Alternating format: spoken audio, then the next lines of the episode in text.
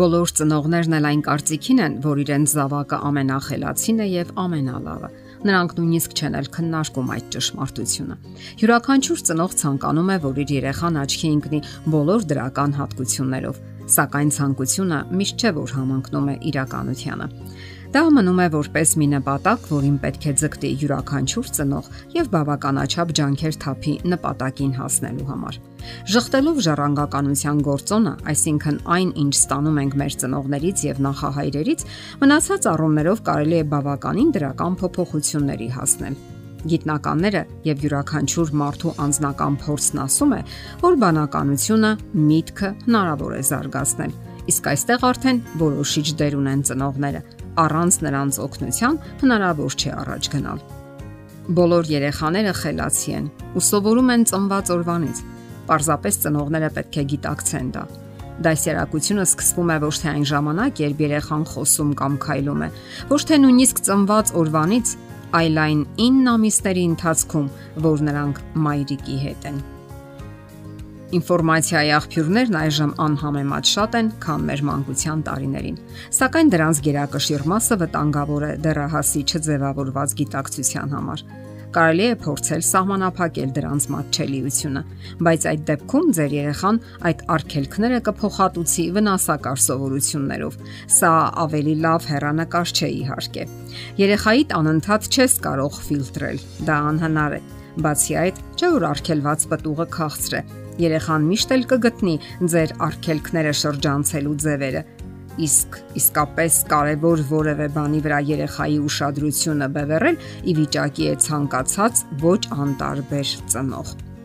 Առաջին կարևոր պայմաններից մեկը, որ նշում են մասնագետները, երեխայի հետ շփումն է։ Որքան շատ են ծնողները շփվում երեխայի հետ, այնքան բարձր է նրա բանականությունը։ Թեկուզ նա ոչինչ չի հասկանում, այնուամենայնիվ նրա բուրըն թափով զարգացող ուղեղը կարողանում է ինչ-որ բաներ որսալ իրեն հասնող տեղեկատվությունից։ Փոքրիկի համար կարող եք բարձրաձայն կարդալ մանկական բանաստեղծություններ։ Երբ մի քիչ մեծանա, սկսեք կարդալ փոքրիկ մանկական գրքույկներ։ Միաժամանակ ցույց տվեք նկարներն ու բացատրեք, թե ինչ է պատկերված այնտեղ։ Այդ ամենը հարկավոր է անել կանոնավոր կերպով։ Երեխան շատ արագ կհիշի, թե ինչ է նշանակում յուրաքանչյուր նկարը եւ մեծ բավականություն կստանա ընթերցանությունից։ Երբ փոքրիկը սովորի նստել, սկսեք նրա հետ խաղալ զարգացնող խաղեր։ Նույնիսկ փոքրիկ խորանարդիկները, գնդակները հիանալի զարգացնում են ոչ միայն շարժումների կոորդինացիան եւ երեխայի մանր շարժողականությունը, այլև նրա երևակայությունը։ Իսկ որքան լավ է աշխատում երևակայությունը, այնքան շատ է օգուտը ուղեղի համար։ Հարկավոր է երեխայի մեջ հետաքրքրություն առաջացնել։ Ահա եւ փոքրիկը սկսել է վստահորեն քայլել։ Այդ պահից սկսած ձգտեք նրա ուշադրությունն ուղղել ցանկացած հետաքրքիր առարկայի։ Եթե դուք հերվում տեսնում եք գետի վրա գծված կամուրջը, նրան բացատրեք, թե ինչի համար է կառուցվել այն։ Տեսնում ես ինչպես են կամրջի վրայով անցնում մեքենաները։ Այդպիսի մեքենաներով ես դու խաղում տանը, միայն թե նրանք ավելի մեծ են եւ ավելի ծանր։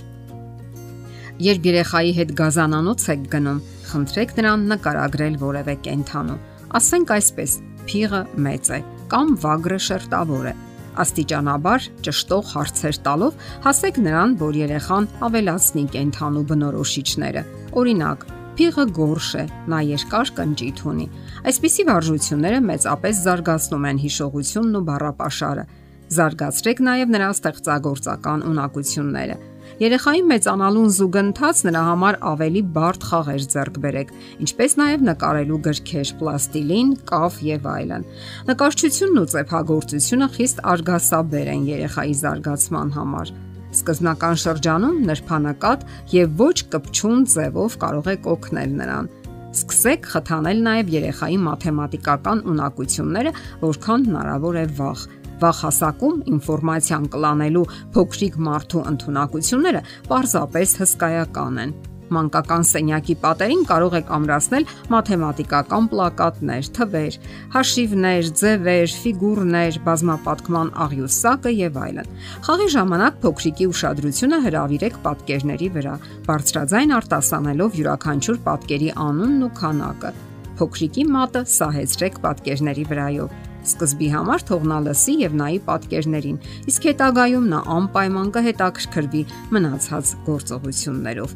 Որոշ հաշվարկներ եւ տրամաբանական զարգացումներ կարող եք անել կոճակների հետ։ Խնդրեք երեխային, որ մեծ կոճակները տեղավորի մի տուփի մեջ փոքրերը մեկ այլ։ Հաշվեք թե քանի կոճակ եղավ միասին։ Այդ ձևով դուք նաև զարգացնում եք նրան նուրբ շարժողական ունակությունները։ Մաթեմատիկայի դասերը կարող եք անցկացնել նաև բնության գրկում։ Հաշվեք քարերը, ծառերը, տերևները, կոները։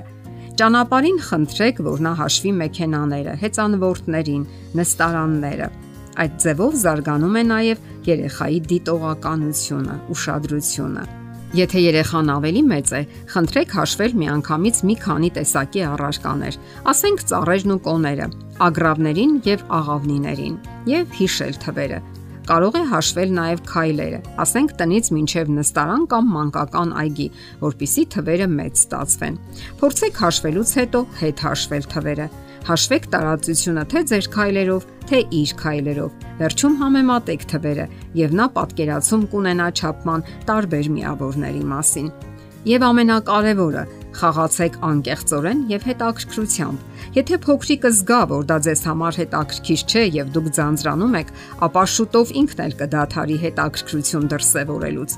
եւ մի ուշացրեք։ Մանուկ տարիքում արմատացած ունակությունները խոր արմատներ են ձգում եւ դրանք կօգնեն նրան կենսական հացի համար պայքարում։ Այսպիսով դուք սկիզբ եք դնում երեխայի մտավոր աշխարհի զարգացմանը այն պետք կգա նրա ողջ հետագա կյանքում նաև հանապազորյա հացի դաժան պայքարում։ Եվ վերջում խորուրդ, որը չիմանալու դեպքում կձախողեք մյուս բոլոր կանոնները։ Երեխաները ոչ թե ծնողների խոսքերից են սովորում, այլ արարքներից։ Եթերում ընտանիք հաղորդաշարներ։ Ձեզ հետ է Գեղեցիկ Մարտիրոսյանը։ Հարցերի եւ առաջարկությունների համար զանգահարել 033 87 87 87 հեռախոսահամարով։